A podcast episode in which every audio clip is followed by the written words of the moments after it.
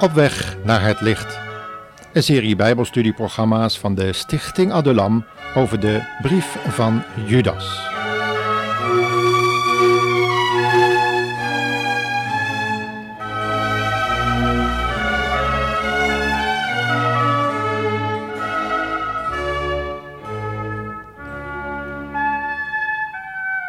In onze studie van de brief van Judas zijn we inmiddels aangekomen bij vers 14 en 15. Laten we het maar weer eens lezen. Nadat we de vorige keer gesproken hebben over Biliam, Kain en over de typische kenmerken van de dwaalleraars, zoals eh, wilde golven van de zee, ontwortelde bomen, wolken zonder regen, bomen zonder vrucht, dwaalsterren, wat een voorbeelden allemaal niet om duidelijk te maken waar wij als christenen voor moeten waken. In vers 14, daar wordt Henoch ten tonele gevoeld, voert. En ook Henoch, de zevende van Adam af, heeft van deze geprofeteerd door te zeggen: Zie, de Heer is gekomen te midden van zijn heilige tienduizenden, om oordeel uit te oefenen tegen allen en elke ziel te bestraffen om al hun werken van goddeloosheid die zij goddeloos bedreven hebben, en om alle harde woorden die goddeloze zondaars tegen hem gesproken hebben. Deze zijn morders, klagers over hun lot, die naar hun begeerte wandelen, en hun mond spreekt gezwollen taal, en zij bewonderen personen ter wille van voordeel. Dat zijn ernstige woorden, luisteraar. En het roept ons op om toch vooral steeds weer niet alleen in zelfonderzoek, maar ook waakzaam te zijn in de gemeente waar wij als christenen bezig zijn, waar wij mogen functioneren als leden van het lichaam van Christus. Laten wij die waakzaamheid toch werkelijkheid worden.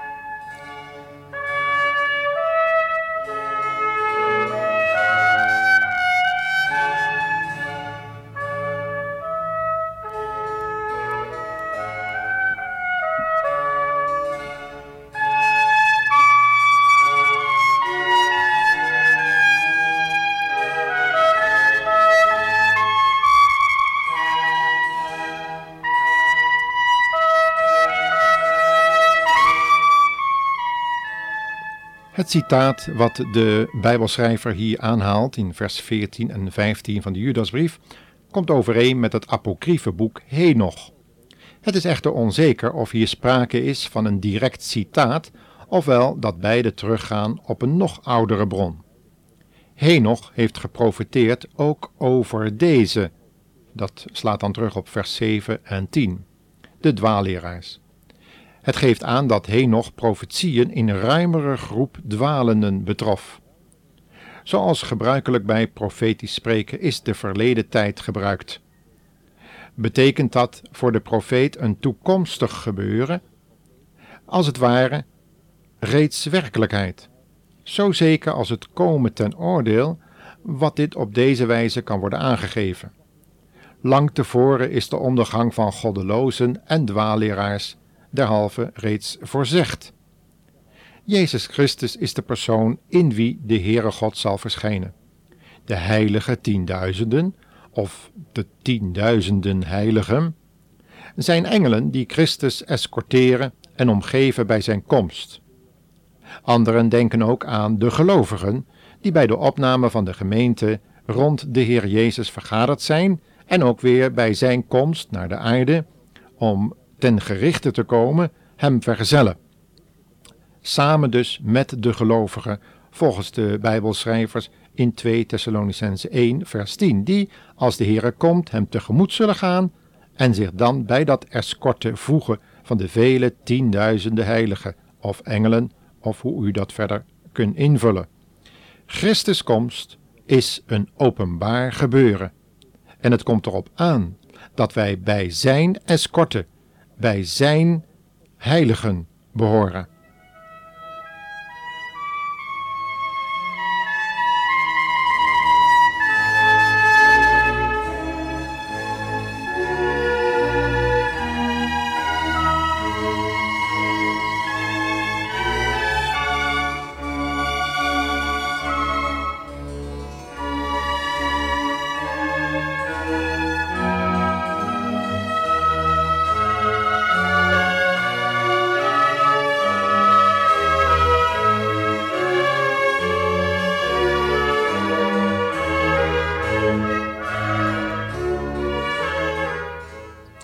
Judas stelt ons de waarheid voor via de profetieën van Henoch op een wel heel bijzondere wijze.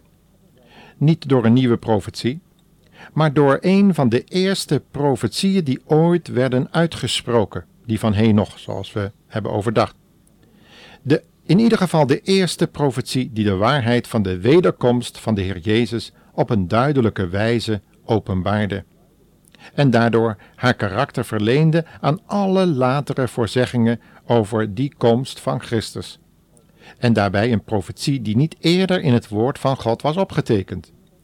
God had de opname hiervan in zijn woord bewaard tot de tijd die in zijn woord de laatste uren wordt genoemd. Dat is dus onze tijd, beste luisteraar. Het is het eerste getuigenis van God door een man waarvan geschreven staat dat hij met God wandelde. Wij zien eruit dat hij al vanaf zijn eerste getuigenis zich bezig hield met de afval van de gemeente. Die bestaat uit gelovige leden van het lichaam van Christus. Niet dat gelovigen kunnen afvallen, wel van een bepaalde geloofswaarheid, maar nooit uit de handen van de Heer Jezus. Niemand uit hen is verloren gegaan dan de zoon van, de van het verderf, zei de Heer Jezus in Johannes 17. Wanneer wij werkelijk de Heer Jezus in ons leven hebben aanvaard, is het onmogelijk om verloren te gaan. Wel kunnen we de relatie met God als Vader missen en we kunnen de leiding van de Heilige Geest niet onderkennen. Dat wij in het duisternis wandelen en tasten als blinden aan de wand, dat is mogelijk, ook voor een kind van God. Maar dan komt dat altijd omdat er zonde is tussen Hem, de God de Vader, en een van zijn kinderen. Zaak is dan dat wij die zonde uit de weg doen. Het zijn uw zonden die scheiding maken tussen God en uw ziel, zei Jesaja reeds. Daarom staat er van Henoch en ook van Noach dat zij bij God waren. En van de discipelen werden gezegd dat zij herkend werden als mensen die bij Christus waren geweest. Jezus als Heer hadden ontdekt en aanvaard. Hoe belangrijk het is het toch om met het oog op de wederkomst van Christus zichzelf rein te bewaren, zichzelf te reinigen wanneer we deze hoop op zijn wederkomst hebben, om samen met hem tegemoet te komen in de lucht. En om van daaruit weer terug te komen, om met hem te heersen, met hem te regeren, duizend lange jaren. Henoch wordt ter onderscheiding van de zevende van Adam af zo genoemd. Want er was ook nog een andere Henoch, de zoon van Kaïn. En Kaïn heeft Judas reeds genoemd als een ongoddelijke. Maar ook van deze, van deze Henoch kunnen we geen profetie verwachten. Lamech was ook al zo'n persoon die uit het geslacht van Kaïn kwam, terwijl uit het geslacht van Abel ook een Lamech kwam. Het is heel belangrijk om steeds weer te zien dat als God mensen uitkiest om tot zijn gevolg te behoren, dat de duivel ook mensen uitkiest en ze dezelfde namen geeft, maar ze dan vol met ongoddelijke dingen weer in deze wereld plaatst, om ze tot verleiding te stellen van hen die nog moeten kiezen. Moet u nog kiezen, luisteraar? De naam Henoch betekent gewijd, opgedragen. Heeft u zichzelf aan God gewijd, toegewijd? Er was eens een tot bekering gekomen gevangene die meer wilde weten over het woordje toewijding. Kent u de betekenis ervan, beste luisteraar? Het is uiterst belangrijk dat wij onszelf geheel en al in de handen van onze Heer Jezus Christus leggen, zodat ook van ons gezegd kan worden dat Hij wandelt, Hij of zij, met God. Dan zullen we ongetwijfeld ook meer inzicht krijgen in de profetieën. Dat zouden we u toewensen, beste luisteraar, dat u inzicht krijgt in de wederkomst van de Heer Jezus voor Zijn gemeente, zodat u klaar staat wanneer het geroep van die aartsengel komt, die met een geweldig geroep, met de bazuin van God, allen zal oproepen die in de Heer Jezus Christus geloven en zich onbesmet hebben bewaard in deze tegenwoordige boze wereld. Dan zullen we samen met hen die ons zijn voorgegaan, dit geval in de dood, en die wachten op ons, om dan in een ondeelbaar ogenblik hem tegemoet te gaan in de lucht. Verwacht u zo de Heer Jezus Christus, luisteraar?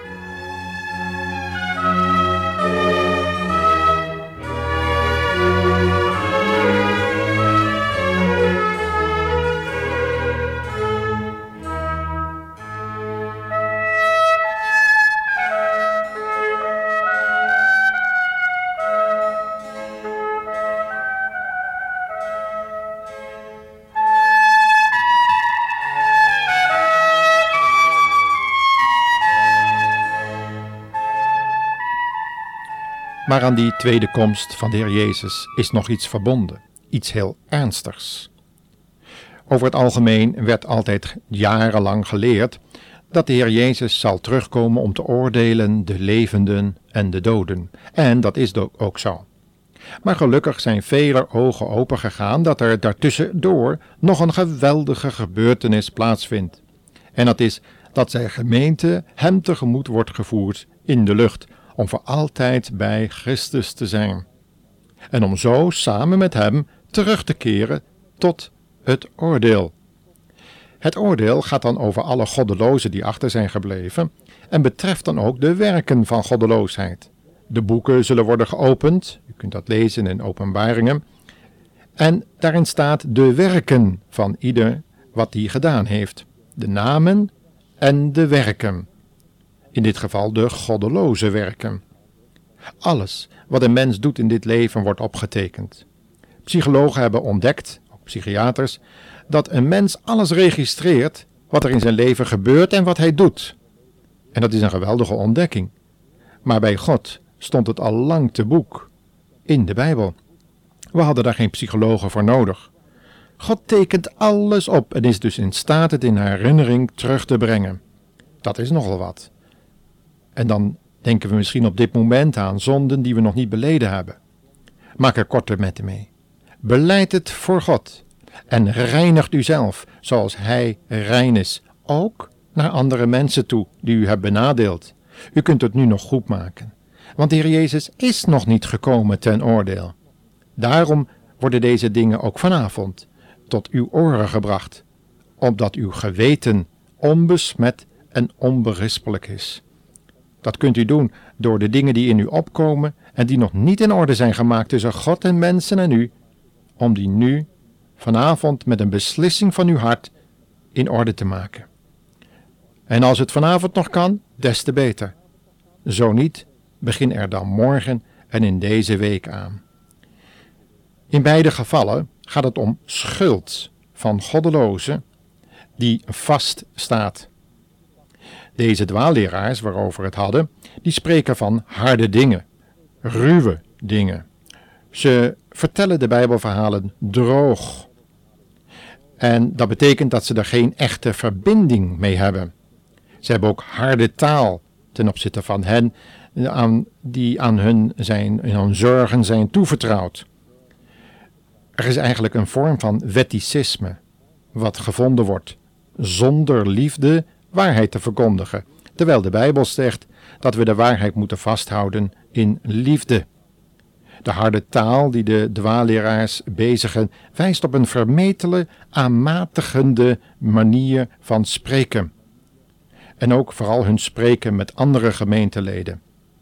Natuurlijk iemand die zonde koestert en die nog geen rein geweten heeft, zal al gauw zeggen dat de ander die hem daarop wijst harde taal bezigt. De Heer Jezus was ook hard ten aanzien van onbeleden zonde. En hij riep op tot bekering. Ook Johannes de Doper zei dat. Breng dan vruchtenwoord die voort die bij de bekering horen. En vanavond willen we dan ook met die oproep eindigen, want God wil reinigen, ook uw geweten. Laat u reinigen, laat u verzoenen. Beste luisteraar, doe dat vanavond nog.